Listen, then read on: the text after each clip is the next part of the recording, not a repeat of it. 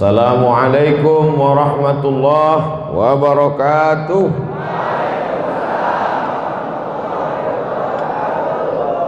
Bersyukur kepada Allah subhanahu wa ta'ala Dengan mengucapkan Alhamdulillahi Rabbil Alamin.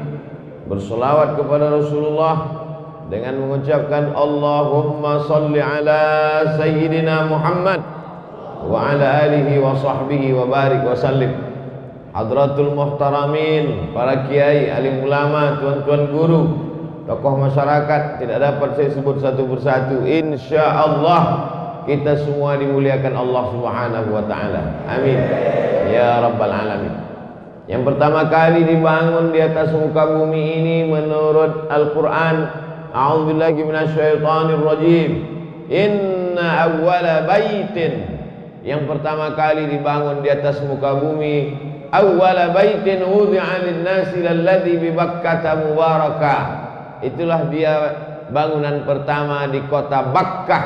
Disebut juga sebagai Makkah. Disebut juga sebagai Ummul Qura Al-Masjidil Haram. Dalam ayat yang lain Allah katakan subhanalladzi asra bi 'abdihi lailan minal masjidil haram ilal masjidil aqsa. Bangunan yang kedua juga adalah masjid. Itulah dia Al-Masjidil Aqsa. Sahabat bertanya kepada Nabi sallallahu alaihi wasallam, "Kam bainahuma ya Rasulullah?" Berapa jarak antara keduanya wahai Rasulullah? Antara Masjidil Haram dan Masjidil Aqsa itu berapa wahai Rasulullah? Nabi sallallahu alaihi wasallam menjawab, "Arba'una sana." 40 tahun. Lalu kemudian setelah datangnya Nabi Muhammad sallallahu alaihi wasallam 13 tahun di kota Makkah Al-Mukarramah pindah ke Yathrib. Yang pertama kali beliau bangun juga di Kuba itu adalah masjid. Sampai di Kuba hari Senin. Lalu kemudian pada malam Selasa, malam Rabu, malam Kamis, malam Jumat empat malam di Kuba berdirilah satu masjid Kuba. Enam tahun lamanya Nabi Shallallahu Alaihi Wasallam tidak bisa kembali ke kota Makkah Al-Mukarramah. Tahun pertama, tahun kedua, tahun ketiga, tahun keempat, tahun kelima, tahun keenam. Enam tahun tidak bisa melihat Masjidil Haram. Enam tahun tidak bisa melaksanakan umrah. Maka untuk mengobati kesedihan hati, mereka melaksanakan sholat sunat di Masjid Kuba. Nabi berjalan kaki ke Masjid Kuba maka orang yang sholat sunat dua rakaat di masjid Kuba sama dengan melaksanakan umrah. Jadi kalau kita hampir setahun ini tidak bisa melaksanakan umrah, bagaimana cara kita bisa melihat Masjidil Haram? Bagaimana kita bisa tawaf dan sa'i melaksanakan umrah? Lagi-lagi Allah Ta'ala memberikan alternatif dengan cara memakmurkan masjid. Man shallas subha fi jama'atin, siapa yang salat subuh berjamaah Thumma qa'ada yadhkurullah. Setelah itu dia tidak keluar masjid, dia duduk berzikir dengan Allah hatta tatul asyam sampai terbit matahari. Thumma yusalli rak'ataini salat sunat dua rakaat.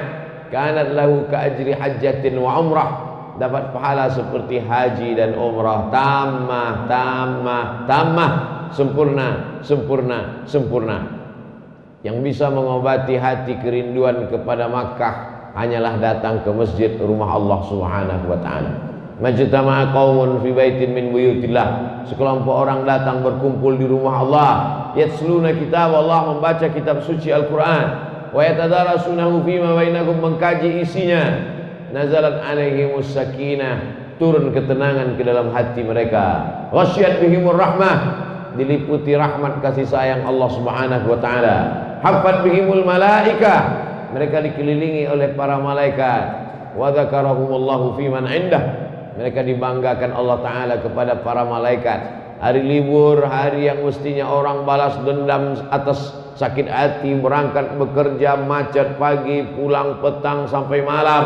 Maka dibalaskan sakit hati pada hari libur dia tidur sampai jam 8 jam 9 tapi justru itu tidak terjadi di lingkungan kita. Orang tetap datang ke masjid sholat berjamaah maka mudah-mudahan anak cucu kita istiqomah sampai hari kiamat insyaallah lalu kemudian Nabi Shallallahu Alaihi Wasallam pada hari Jumat menuju Yathrib dari Kuba maka perjalanan itu mereka berhenti sejenak melaksanakan sholat Jumat. Tempat Nabi melaksanakan sholat Jumat itu belum ada masjid. Sholat di tanah lapang saja. Bekas tempat sujud Nabi Shallallahu Alaihi Wasallam itu dijadikan masjid oleh khalifah yang adil bernama Umar bin Abdul Aziz. Itulah yang disebut dengan Masjid Al-Jumu'ah, tempat sholat Jumat pertama kali. Bekas sujud Nabi di tanah lapang, kening yang mulia, bersimpuh sujud di tanah yang mulia, dibangun bangunan yang mulia, Masjid Al-Jumu'ah. Lalu kemudian Nabi sampai ke Yathrib. Nabi robah nama Yathrib menjadi Al-Madinah Al-Munawwarah, kota yang terang benderang dengan cahaya, cahaya Islam, cahaya iman, nur nubuah, cahaya kenabian.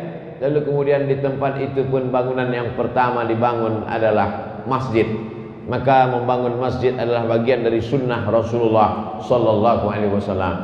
Lalu ketika hari berganti musim berubah, bangunan yang sederhana, lebar hanya 22 meter, panjangnya ke belakang hanya 15 meter. Itulah yang disebut Nabi sallallahu alaihi wasallam ma baina baiti, rumah Nabi di sebelah kiri mimbar. Ma baina baiti wa mimbari, antara rumahku dan mimbarku, raudhatun min riyadil jannah satu di antara taman-taman surga. Di sana orang sholat satu rakaat maka sama dengan 500 ribu rakaat, sama dengan 100 ribu rakaat di masjid yang lain. Masjidil Haram, Masjid Nabawi, Masjidil Aqsa, la tusaddur rihal illa ila salasati masajid. Tidak amat sangat dianjurkan untuk melaksanakan musafir bepergian perjalanan panjang kecuali pada tiga masjid Al-Masjidil Haram, Al-Masjidil Aqsa, Al-Masjidil Nabawi. Mudah-mudahan ketiga masjid ini salah satunya masih lagi dijajah oleh Israel. Mudah-mudahan dilepaskan Allah sebelum hari kiamat insyaallah. Dengan pertolongan Allah Subhanahu wa taala. Kalau salat subuhnya sudah ramai seperti salat Jumat, itu pertanda tak lama lagi Palestina akan merdeka dari jajahan Israel. Karena hanya orang yang salat subuh Solat yang paling berat bagi orang munafik adalah solat subuh. Solat yang paling berat idza qamu ila salati qamu kusala. Kalau mereka tegak melaksanakan solat, tegaknya itu adalah tegaknya orang yang malas. Hatinya sebetulnya malas, hatinya sebetulnya berat, tapi karena ingin menunjukkan pada orang lain, ingin mempertontonkan kepada sahabat, kepada kawan, kepada tetangga, maka ditampakkannya dengan ria, yuraunan nas, mereka mempertontonkan amalnya di hadapan Allah Subhanahu wa taala, memperlihatkan amalnya di hadapan manusia, maka Allah selamatkan itu pada jamaah salat subuh karena melawan kantuk itu berat. Makanya Allah katakan wa minal dari sebagian malam fatahajjat, tahajjud lawan kantukmu, lawan tidurmu. Nafilatalak sebagai amal tambahan bagimu. Amal pokok subuh, zuhur, asar, maghrib, isya, tapi ada amal tambahan pada suatu malam Nabi Shallallahu Alaihi Wasallam datang ke Masjidil Haram. Kenapa malam? Karena pada waktu siang, pada waktu pagi, telinganya diikat mereka kepalanya dengan kain, mereka cekik lehernya. Lalu kemudian Allah Subhanahu Wa Taala melepaskan itu semua sampai akhirnya Nabi Muhammad SAW punya kekuasaan di kota Al-Madinah Al-Munawwarah. Itulah beda Makkah dengan Madinah. Sama-sama ada Masjidil Haram. Di Madinah ada Masjidil Aqsa. Tapi pada saat di kota Makkah Al-Mukarramah di sana Nabi tak ada kekuasaan. Nabi tidak punya kekuasaan. Nabi tidak bisa sholat berjamaah bersama sahabat. Bersembunyi. Iman disembunyikan. Sampai-sampai ketika Nabi lewat di salah satu rumah sahabat. Saat itu mereka sedang disiksa satu keluarga. Nama suaminya Yasir. Nama anaknya Ammar. Ammar bin Yasir. Nama istrinya Sumayyah Perempuan pertama yang mati syahid ditombak jantungnya oleh Abu Jahal. Nabi hanya dapat berkata, "Sabran ya ala Yasir." Bersabarlah, bersabarlah wahai keluarga Yasir. Inna mau'idakumul jannah. Kalian dijanjikan masuk surga. Berbeda dengan ketika Nabi berada di kota Al-Madinah Al-Munawwarah. Dia pemimpin, dia punya kekuasaan. Bahkan orang Yahudi pun di bawah kuasanya. Yahudi Bani Nadir, Yahudi Bani Quraidah, Yahudi Khaybar, Yahudi Qainuqa, berada di bawah kekuasaan Nabi Muhammad sallallahu alaihi wasallam. Maka kalau ingin masjid ramai, ingin masjid melimpah ruah, maka umat Islam mesti punya kekuasaan. Di Palestina masjid yang tempat Isra Mi'rajnya Nabi Muhammad sallallahu alaihi wasallam tentara Israel mengawasi tentara-tentara polisi Israel mengintai sehingga orang-orang tua saja yang dibenarkan sholat berjamaah anak-anak muda dikhawatirkan akan memicu keributan akan mengadakan perlawanan maka tidak boleh melaksanakan sholat berjamaah. Begitu pentingnya kekuasaan. Jadi kalau ada orang mengatakan yang penting masjid ramai yang penting sholat berjamaah kekuasaan tidak penting kekuasaan amat sangat penting kita bisa lihat dalam sejarah Nabi di kota Makkah Al-Mukarramah bandingkan bagaimana kita berada di kota Al-Madinah Al-Munawwarah. Hari berganti musim berubah. Meninggal Nabi wasallam naik Abu Bakar Siddiq dua tahun menjadi khalifah. Meninggal Abu Bakar Siddiq naik Sayyidina Umar lima tahun menjadi khalifah. Meninggal Sayyidina Umar naik Sayyidina Utsman ibnu Affan. Utsman bin Affan mulai merenovasi Masjid Nabawi. Sebagian sahabat yakrahunahu, mereka tidak setuju karena ada bangunan-bangunan tiangnya, dindingnya, atapnya itu adalah wakaf orang-orang pada generasi awal. Maka ketika diadakan renovasi Masjid Nabawi, mereka kurang bersetuju dengan itu. Lalu kemudian Utsman membacakan hadis Rasulullah sallallahu alaihi wasallam, "Man bana masjidan, siapa yang membangun masjid, manallah mithlahu baitan fil jannah." Dibangunkan Allah untuknya satu rumah di surga. Mendengar hadis itu terdiamlah para sahabat. Artinya apa? Di antara sahabat sendiri pun ada ikhtilaf berbeda pendapat. Menurut Utsman masjid ini mesti direnovasi karena umat sudah banyak. Tapi menurut sebagian sahabat masjid tidak perlu direnovasi. Maka yang menyelesaikan konflik itu adalah kembali kepada sunnah Rasulullah sallallahu alaihi wasallam. Utsman membacakan hadis man bana masjidan siapa yang membangun masjid banallah mithlahu baitan fil jannah yang sudah membangun masjid mewakafkan tanah mewakafkan batang kurma untuk tiangnya mewakafkan lantainya maka dia sudah membangun satu tempat dalam surga. Kalau ada orang merenovasi, maka itu tidak merubah kedudukannya di hadapan Allah Subhanahu wa taala. Selesai masalah khilaf kalau ada hadis Nabi sallallahu alaihi wasallam. Maka kalau ada di masjid kita ikhtilaf, berbeda pendapat, itu sesuatu yang lumrah biasa. Sahabat Nabi aja ada ikhtilaf, apalagi sahabat UAS. Fa fi syai'in kalau kamu ada perbedaan pendapat dalam satu masalah, farudduhu ilallah, kembalikan kepada Allah, lihat Al-Qur'an. Wa ila Rasul, kembalikan kepada Rasulullah, lihat hadis sunnah Nabi Muhammad sallallahu alaihi wasallam. Tidak ada dalam Quran, tidak ada dalam hadis, ke mana kita bisa kembali? Al ulama warasatul anbiya. Lihatlah pendapat para ulama karena ulama adalah pewaris para nabi. Taraktu fikum amraini. Kutinggalkan pada kamu dua perkara intamasaktum bihima kalau kamu pegang yang dua ini lan tadillu abadan kamu tidak akan sesat untuk selamanya kitab Allah Al-Quran wa sunnati dan sunnah Rasulullah sallallahu alaihi wasallam dalam hadis riwayat Muslim kitab Allah kitab Allah Al-Quran wa itrati ahla baiti dan keluargaku siapa itu keluarga Nabi? Alhamdulillah kota Jakarta DKI adalah di antara tempat yang dipilih oleh keluarga-keluarga Rasulullah sallallahu alaihi wasallam. Al-Haddad Al-Jifri Al-Shihab bin Shihab bin Yahya bin Syekh Abi Bakar Al-Idrus As-Sagaf ini adalah marga-marga zuriat Rasulullah SAW yang sampai ke pulau ini, yang sampai ke negeri ini. Mereka dicintai. Orang yang dicintai itu disebut dengan Al-Habib.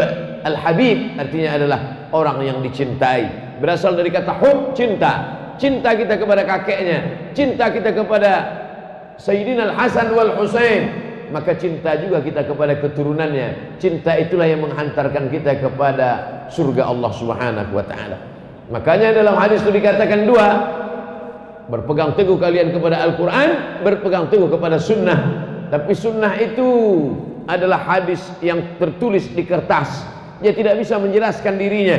Hadis dalam Sahih Bukhari, hadis dalam Sahih Muslim, hadis dalam Sunan Ibni Majah, hadis dalam Sunan Nasai, hadis dalam Musnad Ibni Abi Syaibah, Musannaf Ibni Abi Syaibah, hadis dalam Musnad Ahmad bin Ambal, hadis dalam Muwatta Malik. Dia tidak bisa menjelaskan dirinya. Dia hanyalah tulisan-tulisan di kertas mati.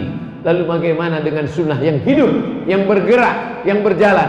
Sunnah yang berjalan itu adalah ada dalam keluarga Nabi Muhammad sallallahu alaihi wasallam. Litamassukihim bisunnah. Kenapa disebut ikuti keluargaku? karena keluarga Nabi paling mengerti tentang sunnah karena keluarga Nabi orang yang mengamalkan sunnah karena keluarga Nabi orang yang paling berpegang dengan sunnah Rasulullah Sallallahu Alaihi Wasallam. Jadi tidak ada ikhtilaf antara hadis yang mengatakan Al-Quran dengan sunnah dengan hadis satu lagi Al-Quran dengan keturunan Rasulullah. Dua-duanya saling menguatkan. Yang satu sunnah dalam bentuk tulisan, yang satu sunnah dalam bentuk perbuatan. Yang satu sunnah dalam bentuk buku, yang satu sunnah dalam bentuk amal.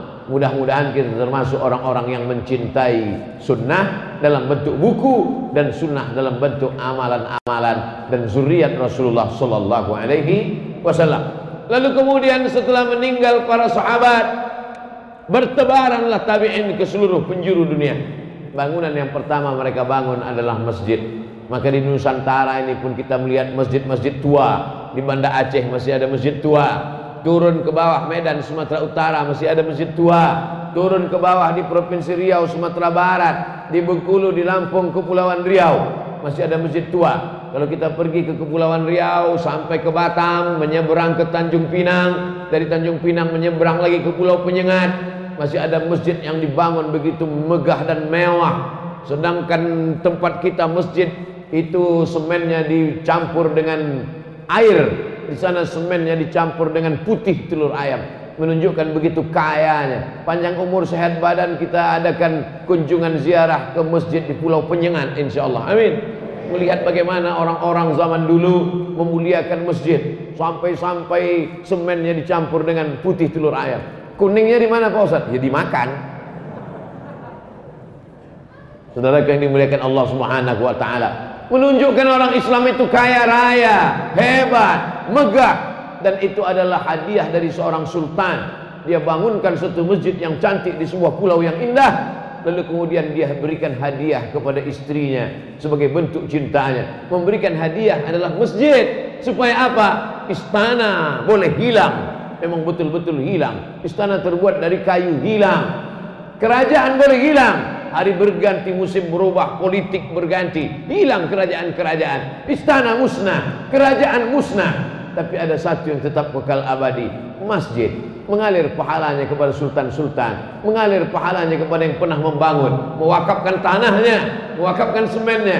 Lalu kemudian di zaman modern Presiden Soekarno apa yang beliau bangun? Yang beliau bangun yang kekal abadi adalah masjid. Masjid istiqlal masjid terbesar se-Asia Tenggara Malaysia, Brunei Darussalam Patani Thailand Selatan Moro Filipina dikumpulkan negeri-negeri Asia Tenggara Muslim terbesar Singapura. Tapi masjid yang paling terbesar adalah Masjid Istiqlal. Betul hari berganti musim berubah orde lama tumbang.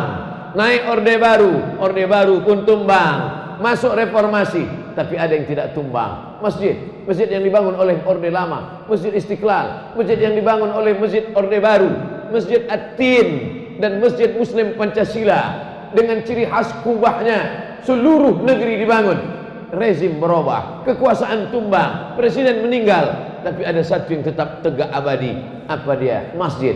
Maka kalau mau kekal abadi jangan kekalkan dengan kekuasaan. Tapi kekalkan dengan membangun masjid maka berlomba-lomba membangun masjid. Salah satu masjid yang masih tetap tegak kekal abadi hari ini adalah masjid yang kita tempati hari ini yang kita laksanakan solat berjamaah. Enak aja Ustaz solat, solat kita solat berjamaah. Ustaz sendiri nggak ikut? Saya. Saya solat berjamaah juga. Solat berjamaah. Masjid ini dibangun pada tahun 1998 diresmikan tahun 2018 selama 20 tahun dengan jumlah uh, lupa saya berapa miliar tapi yang jelas oh masya Allah ada jamaah di atas. Kubahnya keramiknya kipas anginnya televisinya kaligrafinya megah. Tak ada kurang satu apa pun masjid ini. Kipasnya tak terlalu kuat tapi anginnya dingin sekali. Luar biasa masjid ini Nah, ini masjid ini semua orang yang berkontribusi dari mulai mewakafkan tanahnya, memberikan keramiknya, saking berlebihnya ini batu marmer tak tahu lagi di mana mau dipasang ditempel ke dinding. Baik. Masjid-masjid lain ini menunjukkan masyarakat sekelilingnya ini masyarakat yang kaya raya. dari takbirnya apa gitu kuat sedikit. Allah Akbar. Gitu dia. Kalau takbirnya slow kata setan ini serius apa enggak? Gitu setan. Masya Allah tabarakallah. Jadi sebenarnya masyarakat mau menyampaikan pesan ke anak cucu mereka nanti generasi kedua generasi ketiga setelah 4 tahun 50 60 tahun cucu-cucu mereka akan berkata ternyata nenek moyang kami kakek buyut mbah kami adalah orang-orang kaya maka mereka pun semangat mencari res mencari rezeki. Tapi mencari rezeki itu orientasinya bukan dunia. Kita tidak selesai. Rumah baru mobil baru sepatu baru baju baru sudah selesai dengan kita. Kita adalah orang-orang yang zuhud. Orang zuhud itu apa? Orang zuhud itu adalah ada uangnya, ada hartanya, tapi tidak dia pakai untuk memperturutkan hawa nafsunya. Duitnya banyak, tapi dia tidak sibuk outfit dengan sepatu baru, baju baru, jaket kulit nyamuk.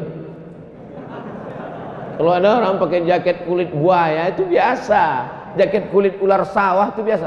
Nyamuk dikumpul, bisa jaket kulit nyamuk harga 300 juta hanya untuk mempertontonkan di hadapan orang ini loh saya punya sesuatu yang kamu tidak punya itu orang yang memperturutkan hawa nafsu. Sedangkan orang yang zuhud adalah ada uangnya ada duitnya. Tapi tidak dia pakai untuk itu. Justru dia pakaikan untuk membangun masjid. Itulah orang yang zuhud. Tapi sekarang orang berpandangan zuhud adalah itulah Pak Ustadz ada orang zuhud. Pakaiannya koyak sobek-sobek compang-camping dia nggak punya apa-apa. Itu loh Pak Ustadz zuhud. Itu bukan zuhud itu fakir miskin bodoh. Orang zuhud itu adalah orang yang punya uang punya duit. Dia bisa bangun rumah megah tapi tidak dia bangun. Lalu yang dia bangun apa? Dia buat rumahnya sederhana mobilnya biasa-biasa saja pakaiannya biasa-biasa saja tapi yang dia pakai adalah membangun masjid. Itulah orang yang zuhud. Dokter-dokter spesialis zuhud, pengacara-pengacara zuhud, polisi-polisi zuhud, tentara-tentara zuhud. Mereka sanggup beli mobil mewah, tapi dia pakai mobil biasa. Kenapa? Karena uangnya dia pakai untuk membangun mas masjid. Ini mesti diluruskan pemahaman tentang zuhud ini. Ini ada orang penanya sampai 10 juta harganya. Ustadz Somad, ini pena saya ini 10 juta nih Ustadz. Yang nanya siapa? Sekali tegak berdiri, outfit 100 juta. Mulai sepatu 30 juta, celana 20 juta, kemeja 5 juta, topi 5 juta. Semuanya utang. Kredit, kredit, kredit semua. Setiap dengar suara sepeda motor di depan rumah, pucat ketakutan. Siapa? Debit kolektor. Mau menagih hutang. Makan tak selera. Tidur tak lelap. Bukan itu keindahan hidup. Keindahan hidup adalah hidup biasa-biasa saja. Hidup dengan cara yang sederhana normal-normal. Inilah orang disebut orang cerdas smart. Al-kayis bahasa Arabnya. Siapa nama anaknya? Kayis apa arti kayis entah Kais artinya orang yang cerdas. Siapa itu orang yang cerdas? Bukan orang yang IQ-nya 200, bukan orang IP-nya 4, bukan profesor doktor, bukan itu cerdas. Orang yang cerdas itu siapa? Mandana nafsahu menekan hawa nafsunya. Nafsu makannya dia tekan. Nafsu keinginan beli mobilnya dia tekan. Nafsu ingin punya cincin emasnya dia tekan. Wa amila lima ba'dal maut yang dia pentingkan adalah beramal untuk setelah matinya. Dibeli cincin, dibeli gelang, dibeli subang, dibeli anting dibeli mobil dari emas. Kalau kau mati tinggal. Tapi kalau kau bangunkan ke masjid inilah yang akan kekal abadi sampai hari kiamat insya Allah amin. Jadi masyarakat di sekitar masjid ini adalah masyarakat-masyarakat yang cerdas. Kenapa? karena uangnya dia pakai untuk bangun masjid. Dia meninggal dunia tanpa saya sebutkan untuk almarhum almarhumah fulan fulanah binti fulan fulan. Tanpa saya sebutkan mengalir pahalanya untuk mereka. Semua yang sholat di masjid ini semua yang baca Quran semua yang baca maulid semua yang bersolawat semua yang beristighfar semua yang beriktikaf di sini pahalanya mengalir kepada semua yang mereka meninggal yang sudah mewakafkan untuk masjid ini. Sekarang kalau mau sedekah untuk masjid ini mau sedekah apa lagi? Semuanya sudah cukup semuanya sudah mantap mau sedekah mikrofon sebanyak-banyak mikrofon satu dua ada yang mau dipasang saya tidak mau pasang mikrofon yang di telinga tadi nanti saya merasa seperti sedang jadi DJ Sholat subuh berjamaah di Masjid Jami Al Mukarramah. Ada namanya masjid, ada namanya Masjid Jami. Apa beda masjid dengan Masjid Jami? Masjid nggak ada sholat Jumatnya. Sholatnya cuma subuh zuhur asar maghrib isya. Kalau ada sholat Jumatnya namanya masjid jami. Di Yaman begitu di Mesir pun begitu cuma dua aja. Masjid dekat rumah kami kecil. Nggak ada sholat Jumatnya namanya masjid. Kalau ada sholat Jumatnya masjid jami. Masjid ini ada sholat Jumatnya? Mimbarnya mana Masya Allah. Ini angkat tiang. Ini mimbar Aslinya dalam fikih itu cuma dua. Masjid yang ada sholatnya Tapi nggak ada Jumat. Masjid yang ada sholat Jumatnya Masjid jami.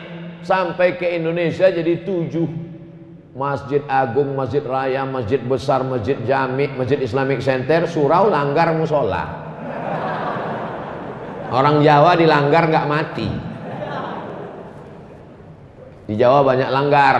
Kalau di Sumatera banyak surau. Makanya ada novel judulnya Runtuhnya Surau Kami. Surau itu adalah nama lokal wisdom orang kita memberi nama. Tapi semua itu adalah masjid. Makanya kalau ada dekat rumah langgar, Sampai Arab lungonang di mas, Arab lungonang langgar. Jangan sampai dilanggar usoli sunatan tahiyatal langgar telur rokaat lillahi taala. Tetap sholatnya tahiyatal mas, tahiyatal masjid. Enaklah kamu sudah sedekah bangun masjid, pahalanya mengalir. Saya cuman bangun langgar nggak ngalir, ngalir juga. Tapi langgar nggak ada disebut dalam hadis. Terjemahannya itu namanya langgar. Jadi jangan benturkan antara budaya. Budaya ini juga adalah bagian dari budaya umat Islam di Indonesia. Nanti kalau ada orang bertanya Ustaz Somad ada langgar di zaman Nabi? Enggak ada. Langgar dan surau itu bid'ah. Wa kullu bid'atin dolalah wa kullu dolalatin fitnar namanya saja. Cara memanggil orang pun begitu. Dipanggil orang ayyalas salat di Makkah cukup dipanggil hayya ala sholah orang bangun. Di Madinah as-salatu khairum minan naum bangun. Di tempat kita susah bangun. Maka dipukullah itu kayu besar itu dipukul. Diambil kayu kita tinggal di tropis iklim kita iklim tropis hutannya lebat Mana ada di Maroko pohon kayu sebesar itu? Nggak ada. Di Sudan nggak ada pohon kayu sebesar itu. Di Mesir nggak ada pohon kayu sebesar itu. Di Indonesia pohon kayu besar-besar. Maka dilobangi bagian dalamnya dipasang itu kulit kambing. Maka dipasang, ah, dipukul. Nah, itu dipukul. Makanya bangun semuanya. Pukul bangun. Apa namanya? Beduk namanya itu besar. Melihat beduk itu saya teringat masa kecil dulu saya kalau kami di Sumatera sholat maghrib itu jam 6.30 azan maghrib. Jam 6 saya sudah ke masjid. Masuk masjid sama kawan-kawan ke masjid, masuk ke dalam beduk. Masuk ke dalam beduk, kawan mukul di luar. Coba pukul. Masa kecil itu akan terngiang sampai besar. Siap melihat beduk, ingat itu. Anak-anak sekarang sudah lagi tidak tidak lagi diingatkan. Itu jadi jangan dikatakan ini beduk tidak ada zaman Nabi maka beduk ini bid'ah wa kullu bid'atin dhalalah wa kullu dhalalatin finnar. kata yang udah ngasih beduk aku sudah ngasih kayu sebesar itu kau masukkan pula aku ke neraka lagi. Neraka yang dimuliakan Allah Subhanahu wa taala itu hanya cara membangunkan orang. Maka dipukullah dia terbangunlah. Dan setiap daerah itu ada punya tradisi masing-masing ternyata satu kali pukul saya tidak hafal itu pukul begini itu manggil untuk sholat pukul begini itu manggil untuk rapat pukul begini itu manggil untuk makan bersama pukul begini itu tanda ada orang nikah ada tahu-tahu datang orang dari kampung lain salah pukul, sangkanya makan. Pas datang mana makanannya? Gua nggak ada. Jadi itu adalah tradisi kebudayaan lokal. Kemudian masuk ke dalam masjid. Jadi kalau beduk itu dikatakan tidak ada zaman Nabi, maka sesungguhnya kubah pun juga tidak ada zaman Nabi. Ini beduk ini tambah-tambahan, maka kubah pun juga tambah-tambahan. Karena zaman Nabi Muhammad SAW tidak ada kubah Kubah itu adalah tradisi arsitektur bangunan Bizantium. Ada seorang kaisar namanya Kaisar Bizanti. Dia membuat kota. Nama kota itu menjadi Bizantium. Setelah itu ada lagi kaisar namanya Konstantin. Dirobahnya kota itu menjadi nama Konstantinopel. Kotanya sama, tapi berbeda kaisar. Begitu raja-raja zaman dulu. Kalau dia mau buat satu kota, dibuatnya atas nama dia. Andai saya nih kaisar, raja, saya buat nama kota itu kota uh, Somadium. Nama dia Bizanti. Dibuatnya kota, dirobahnya kota itu bernama Bizantium. Ciri khas bangunan Bizantium ada tiang melengkung jadi selamanya ada tiang-tiang-tiang dibuat tiang melengkung dengan batu-batu yang disusun. Batu itu dipotong, bagian bawahnya kecil, bagian atasnya besar, lalu disusun melengkung sehingga batu itu tidak jatuh ke tengah. Bisa lihat, jangan lihat sekarang. Nanti lihat di Google arsitektur ciri khas Bizantium bangunan tiang melengkung. Maka dibuatlah tiang melengkung. Itu baru ada ketika Islam sampai ke negeri-negeri jajahan Bizantium. Sebelum itu di kota Makkah tidak ada kubah. Waktu itu atap Masjid Nabawi itu hanyalah pelepah korma yang disusun-susun datar saja. Lalu kemudian dari mana itu datang menara? Menara diambil dari kata nar nar artinya api menara tempat api di atas tempat api di tepi laut Mediterania. Ketika orang naik kapal dia tidak tahu mana tepian.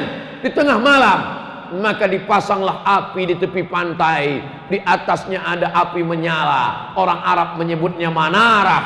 Orang kita menyebutnya mercusuar. Maka ketika Islam sampai pasukan Islam dari kota Al-Madinah Al-Munawwarah menyeberang Laut Merah sampai ke sebuah kota yang didirikan oleh Kaisar Alexander the Great. Kota itu bernama Alexandria. Alexandria adalah kota 200 km dari Kairo. Di sana ada sebuah mercusuar. Mereka buang apinya. Dibuang apinya, naiklah muazzin ke atas. Dia azan dari atas. Allahu Akbar, Allahu Akbar. Suara lebih kuat, kena lebih tinggi Itulah asal muasal ma'zanah, tempat azan. Bilal tidak pernah azan di atas menara. Karena zaman Nabi tak ada menara. Bilal azan di atas satah, di atas atap rumah orang di kota Al-Madinah Al-Munawwarah. Jadi bangunan-bangunan ini adalah tambahan setelah Nabi Muhammad SAW meninggal. Kubah bukan diajarkan Nabi. Menara bukan dibuat Nabi. Tapi sekarang kalau sudah masjid seolah-olah menara dengan kubah adalah rukun masjid.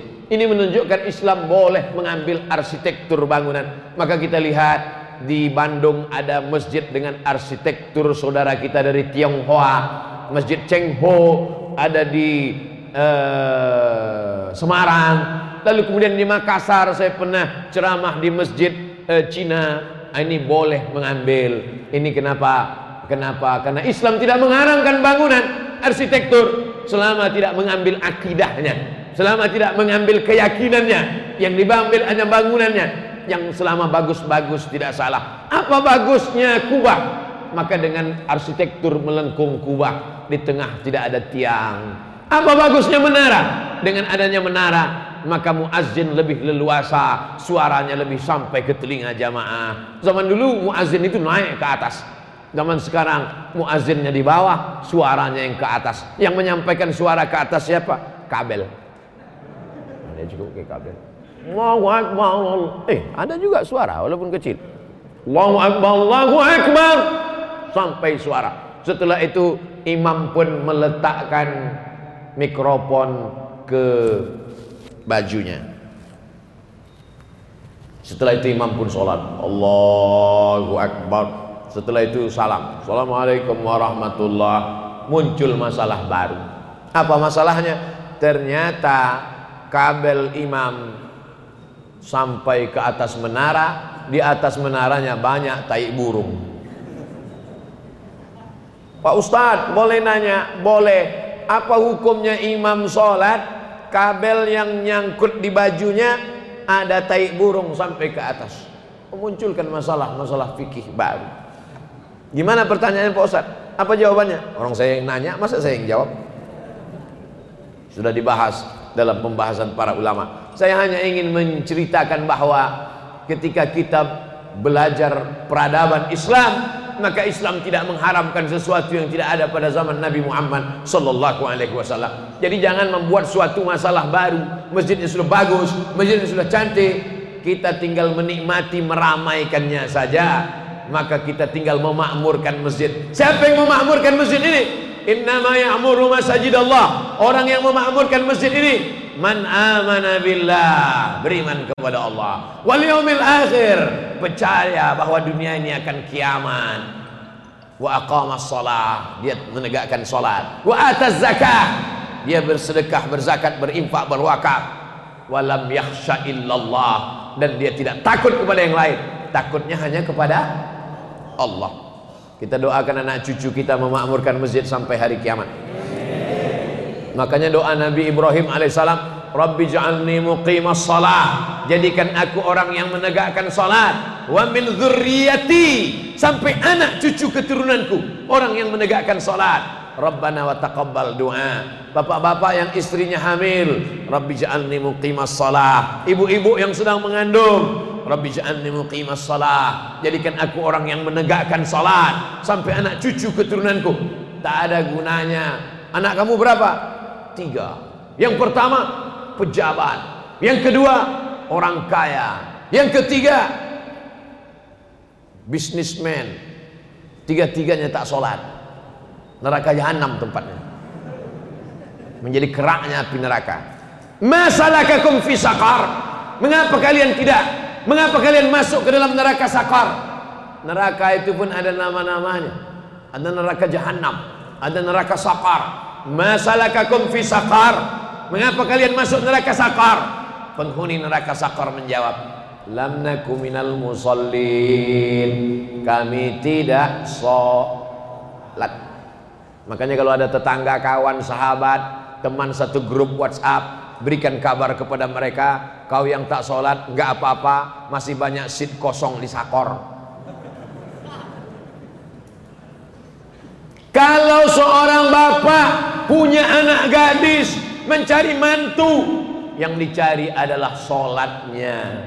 Idza ja'akum man tardawna dinahu. Kalau kau lihat anak muda itu bagus agamanya, rajin dia salat, wa khuluquhu, baik akhlaknya, fazawijuhu.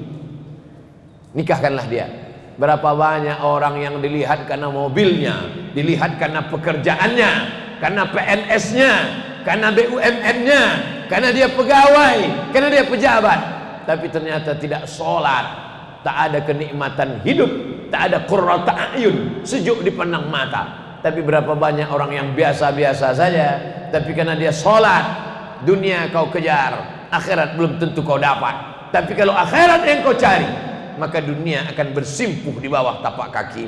Ini pelajaran buat kita bersama masjid yang sudah besar, yang sudah cantik, yang sudah indah. Ini bukan dibangun dengan bim salabim abrakadabra. Ini bukan dibangun dengan kertas. Ini bukan dibangun dengan dengan daun. Ini dibangun dengan jerih payah, keringat, tetes air mata dan darah. Maka kita yang sudah menikmatinya tinggal melaksanakan sholat berjamaah, rajin etikaf, diisi dengan tablik akbar. Ini semua yang akan menjadi amal soleh buat kita semua. Anak-anak muda, semangat cari duit, semangat bisnis, semangat entrepreneur. Kalau sudah punya uang, bangun mas, bangun masjid. Bangun masjidnya besar seperti ini. Bangun masjidnya dua lantai seperti ini. Supaya tidak campur aduk laki-laki dengan perempuan. Bangun masjidnya cantik seperti ini. Supaya apa? Supaya kita bangga menunjuk. Mana masjid kalian? Tuh masjid kami. Yang mana? Yang bagus, yang cantik itu. Jangan sampai masjidnya seperti kandang burung merpati. Setiap ditanya orang, mana masjid kalian? Masjidnya cantik. Tapi masjidnya udah ada Pak Ustaz. Untuk apa lagi cari duit? Masjid kan sudah ada. Bangun seribu masjid dari mulai Sabang sampai Papua. Seperti Masjid Jami Al-Mukarramah ini insya Allah. Amin. Udah aku sampaikan ya Allah. Anak-anak muda ini sudah kumotivasi ya Allah. Kalau sebelum mereka mati mereka bangun masjid, Alhamdulillah. Sudah mati enggak juga bangun masjid, tidak salahku lagi ya Allah. Sudah kusampaikan di hadapan mereka. Assalamualaikum warahmatullahi wabarakatuh. Waalaikumsalam. Al-Mukarram Ustaz. Bagaimana hukumnya bila investasi digital coin lebih spesifiknya lagi adalah cash.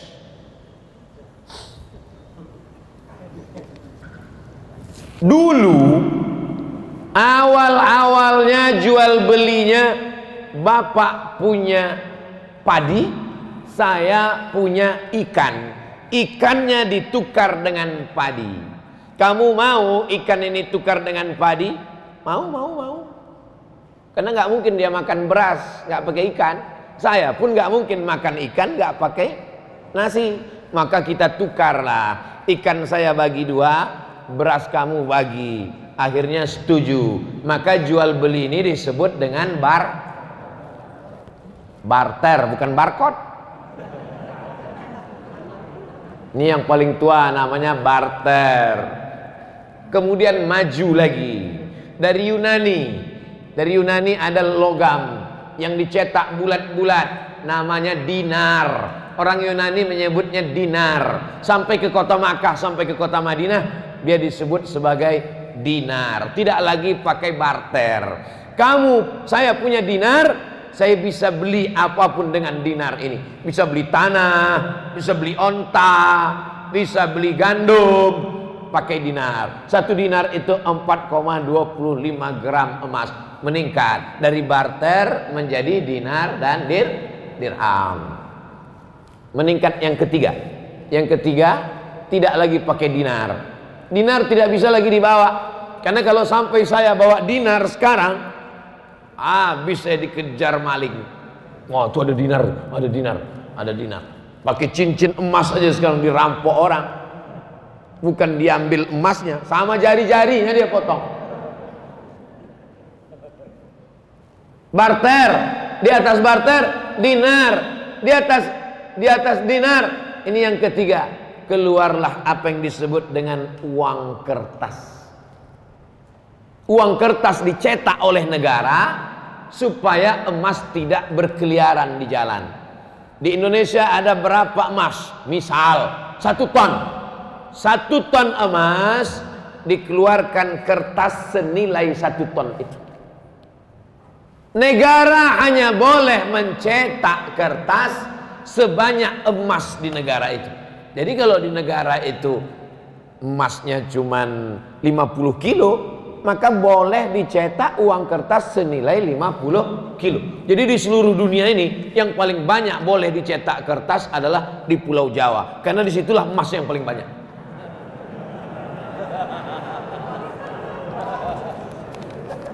Lalu kemudian Amerika, Amerika mencetak kertas lebih banyak dari emas yang ada di negaranya. Ini yang pertama kali melanggar di dunia ini Amerika. Dia cetak kertas, ternyata nilai emasnya tidak sebanyak itu. Di Amerika itu emas tidak terlalu banyak. Kenapa sekarang emas paling banyak di Amerika? Bukan dari tanah Amerika. Emas itu dibawa dari Papua. Karena dia punya perusahaan di Papua. Dia sedot emas itu dia bawa. Lalu kemudian Amerika melanggar itu. Dia cetak kertas banyak-banyak, emasnya tidak sesuai dengan itu. Tapi karena dia punya kekuasaan, dia menguasai dunia, akhirnya boleh negara mencetak uang kertas walaupun tidak senilai dengan emas yang ada di situ. Sudah tiga. Barter, dirham, dinar, kertas. Sekarang puncaknya yang keempat. Ini yang disebut dengan disebut dengan duit digital. Digital money. Produknya banyak, macam-macam. Sama dengan uang kertas. Namanya uang kertas, tapi ada rial, ada ringgit, ada rupiah. Nah, sekarang yang keempat ini digital money, money crypto. Jadi macam-macam dia. Duitnya nggak ada. Kalau kertas tadi masih ada kertasnya. Ini kertas. Ini kertas. Yang ini digital money. Uangnya tuh di alam goib. Nggak ada. Tapi dia punya. Adanya cuma di handphone, cuma di di laptop, disimpan di suatu tempat. Maka kesepakatan pertemuan ulama di Universitas Darussalam Gontor Ponorogo ketemulah di situ pakar-pakar ekonomi Islam kesepakatannya dua. Yang pertama sebagai sebagai alat tukar bisa. Sebagai alat tukar. Misalnya saya mau jual mobil saya. Datang jamaah dari Masjid Jami Al Mukarramah Ustaz Somad? Ya saya mau beli mobil Ustaz. Mana uangnya? Uangnya di alam goib Ustaz. Saya pakai uang digital sebagai alat tukar kalau saya mau boleh. Saya terima uang digital kamu ini kirim ke sini saya simpan di akun ini boleh sebagai alat tukar. Tapi sebagai alat investasi sebaiknya tidak. Kenapa sebaiknya tidak? Karena nilainya tidak stabil. Uang kertas saja pun nilainya tidak stabil. Uang kertas mengalami resesi. Uang kertas mengalami apa yang disebut dengan nilainya tak sama, jatuh. Harga kambing zaman Nabi dengan zaman sekarang pakai uang dinar sama. Karena emas itu stabil. Makanya orang sekarang berbondong-bondong menyimpan eh, emas. Emas tetap naik. Emas dulu 1 gram 500 ribu. Sekarang emas sudah 1 juta. Nanti berganti zaman berganti sedangkan uang. Makanya kalau ada orang minjam uang saya pinjam uang kamu 100 ribu tahun 2020. Dibayar tahun 2030 dengan 100 ribu. Mau apa enggak? Saya enggak mau. Karena dalam 10 tahun itu terjadi inflasi. Nilai uang itu jatuh. Tapi kalau emas, emas tidak jatuh. Emas stabil. Nah, jadi ada satu usaha mau mengembalikan umat Islam ini kembali pakai emas, pakai mata uang emas. Kalau Eropa bisa pakai satu mata uang, mata uang euro, umat Islam juga bisa pakai mata uang emas, dinar. Bisa atau tidak bisa? Bisa. Tapi umat yang paling bisa disatukan ini umat Islam. Tuhannya berapa? Satu. Kul wallahu ahad. Nabinya berapa? Satu. Asyhadu anna Muhammadan Rasulullah. Kiblatnya berapa? Satu. Orang Islam sholat arahnya di dunia ini cuma satu. Tapi yang paling sulit disatukan umat Islam. Subuh aja udah kulai. Satu pakai kunut, satu enggak kunut. Satu pakai usoli, satu enggak. Yang satu tunjuknya gini, yang satu gini-gini. Betul? Nah, makanya kita jaga persatuan. Masalah sepele-sepele ini jangan sampai merusak persatuan. Kesimpulannya, money crypto, uang digital sebagai alat tukar oke, okay. tapi sebagai investasi beberapa beberapa pemain money crypto kehilangan uang. Bapak Ibu ikut tak berita si fulan artis terkenal kehilangan uang digital karena ini. Kehilangan karena sebagai alat investasi. Nah ini. Ini eh, paham? Hmm. anggukkan aja kepala. Andai kata kita mau mengkurbankan anak angkat. Mau dipotong? Binnya kita pakai bin ayah angkat atau atau mengadopsi anak mengadopsi anak, anak angkat itu baik apa enggak baik? Baik. Dulu ada nama program Orde Baru namanya GNOTA, Gerakan Nasional Orang Tua Asuh. Bagus. Anak-anak yang miskin susah, duafa, anak yatim, disekolahkan. Bagus. Mengadopsi anak bagus. Tapi ada tiga yang dilanggar dalam ajaran Islam, dalam adopsi anak. Yang pertama, anak angkat itu dipakai-pakai bin bapak angkat. Enggak boleh. Zaid bin Muhammad, Zaid bin Muhammad turun ayat. Maka Muhammadun aba ahadim mir rijalikum. Muhammad bukan bapak kamu. Enggak boleh panggil Zaid bin Muhammad. Nabi Muhammad punya anak namanya Zaid. Dipanggil Zaid bin Muhammad. Turun ayat melarang. Jangan panggil dia Zaid bin Muhammad. Panggil dia ud'uhum li abaihim. Panggil bapak kandungnya Zaid bin Harisah. Jadi jangan pakaikan akte nama kamu. Punya anak angkat perempuan namanya Fatimah. Buat Fatimah binti Abdul Somad. Itu bukan anakmu Abdul Somad. Ganti nama asli bapaknya. Eh, siapa nama anak angkatmu itu yang kau adopsi? Bin Kardus. Eh, apa bin Kardus? Rupanya dulu pas dia pulang habis sholat subuh dapatnya anak itu dalam kardus di rumah. Kalau tahu nama bapaknya kasih nama bapak. Kalau nggak tahu bin Abdillah anak hamba Allah. Hamba Allah.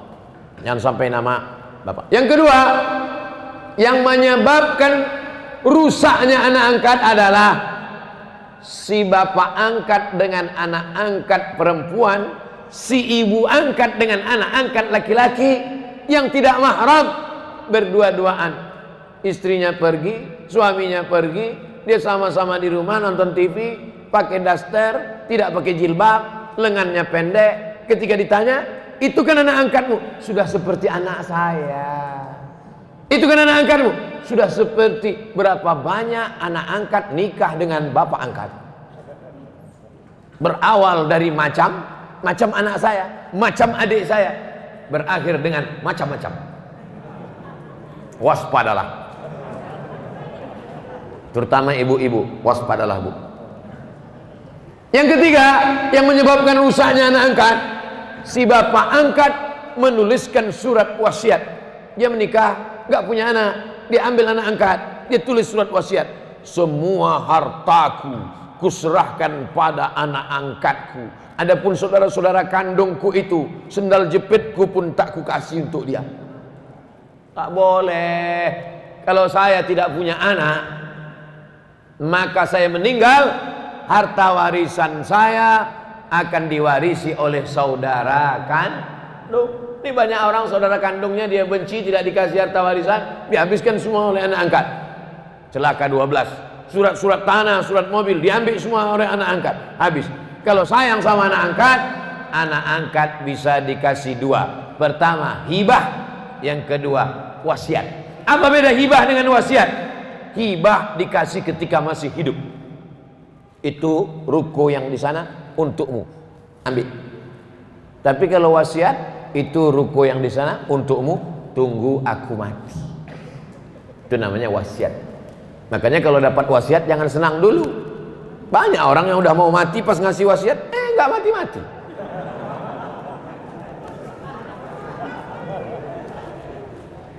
Ini untuk masjid Jami Al Mukarramah. Pengurus sudah senang. Alhamdulillah dapat rukun tiga. Dia udah sakratul maut. Begitu gimana kabarnya? Sehat, kemarin udah pulang. Nggak jadi. Bagaimana cara kita menunjukkan cinta kepada ulama jika kita sebagai PNS ASN? Kamu kan punya atasan. Tunjukkan cintamu dalam jangan diperlihatkan. Ini update status. Udah tahu PNS ASN, update status di video. Takbir, kita tangkap.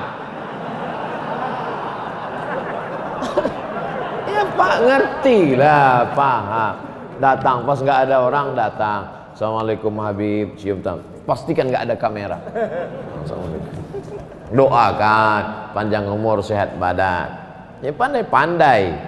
Pandai itu penting. Pandai-pandai lebih penting. Ustadz Somad berani. Saya nggak ya PSN, PNS. Dulu pernah PNS. Saya ibu Fulan ingin bertanya Pernah seorang sahabat saya melihat postingannya di FB tidak pakai jilbab. selalu dia buka tutup jilbabnya. Saya tanyakan ke mana jilbabnya, dia boleh dia bilang yang penting hatinya baik. Bagaimana nih menurut Pak Ustadz? Saya khawatir nanti anak dia nggak pakai celana. Ini kan emaknya nih.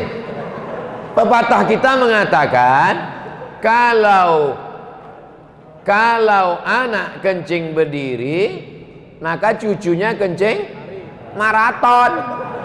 Ini sekarang emaknya nih nggak pakai jilbab, nanti anaknya nggak pakai celana. Pas ditanya anaknya, kok kok nggak pakai celana? Yang penting hatinya baik.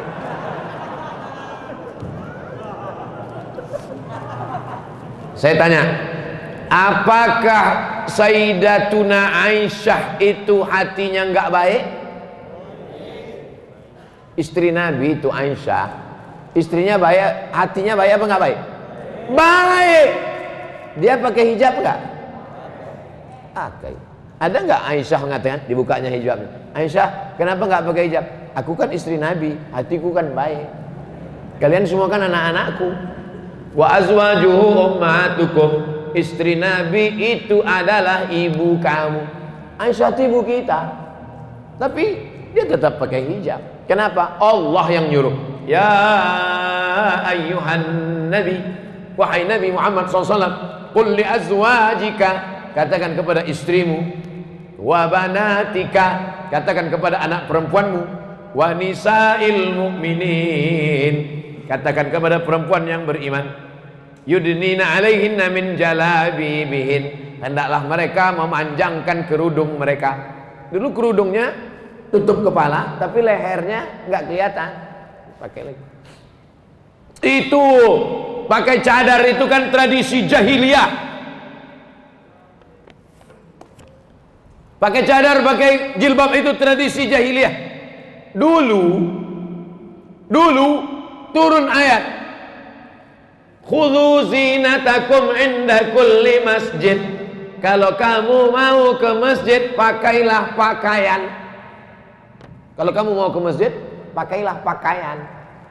Apa maknanya?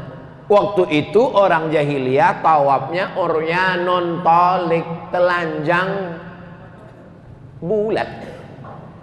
Orang jahiliyah dulu nggak pakai pakaian. Maka datang Islam mengajarkan pakaian.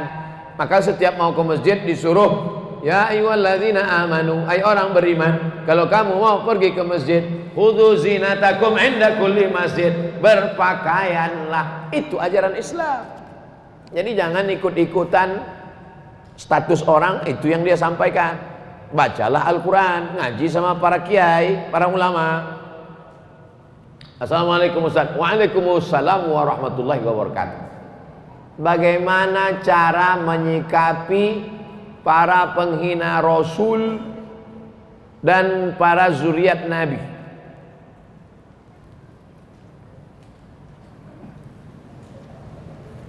Kalau engkau punya kekuasaan, kau tegakkan hukum.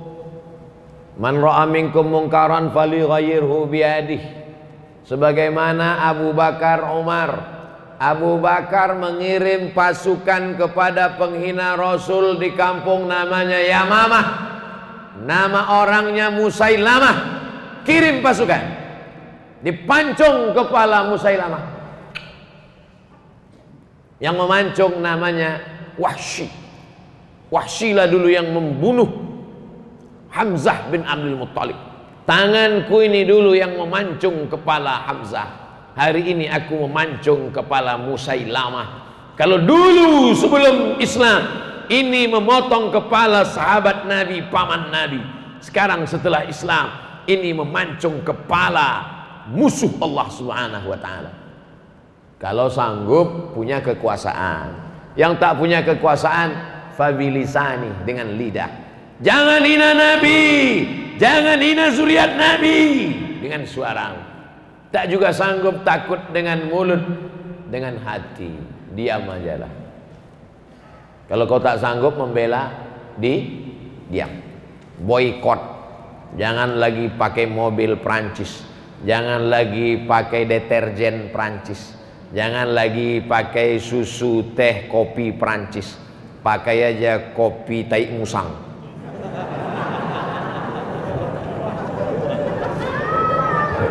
Produk Indonesia. Namanya aja itu kopi luwak. Sebetulnya mereknya aja bukan tai musang. Kalau memang betul kopi tai musang itu satu gelasnya 100 dolar. Setiap diminum satu tetes menetes air mata. Sejuta tiga ratus guys.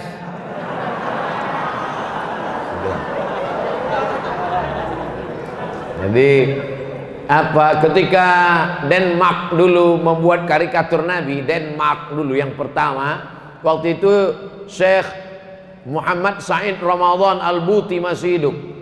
Coba ketik di YouTube Syekh Muhammad Said Ramadan Al-Buti, orang Suriah. Ceramahnya lembut. Syekh Muhammad Said Ramadan Al-Buti kalau ceramah lembut. Assalamualaikum warahmatullahi wabarakatuh. Lembut.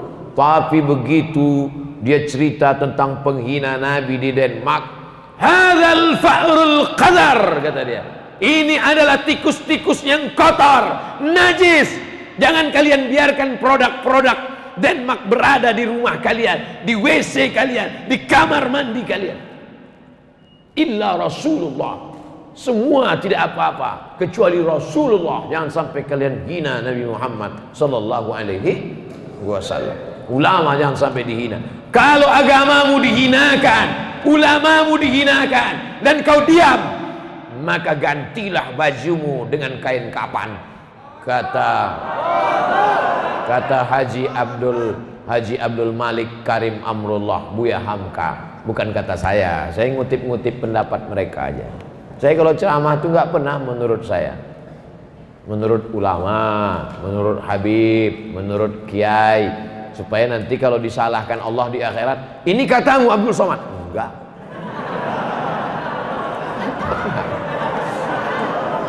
Saya nggak berani menurut saya. Mana pernah saya ceramah menurut saya? Enggak. Yang selamat di akhirat itu nanti saya. Karena saya nggak pernah pakai menurut saya. Sampaikan Al-Quran, sampaikan hadis, sampaikan fatwa ulama, sampaikan pesan para habaib, sampaikan pesan para kiai, cerdaskan umat. Habis waktu baca doa selesai pulang. Habis waktu satu jam. Tadi saya mulai jam 6 kurang 15, sekarang jam 5 kurang 15 sesuai tertulis di botol 600 ml. Apa pun makanannya, minumnya tetap azikra water. Pakailah produk dari saudara kita sendiri sehingga kalau ekonominya maju, dia akan makun masjid. Kalau ekonominya maju, dia akan sedekah. Jangan kau kayakan orang lain. Kalau duitnya banyak, dipakainya berjemur di pantai tak pakai kolor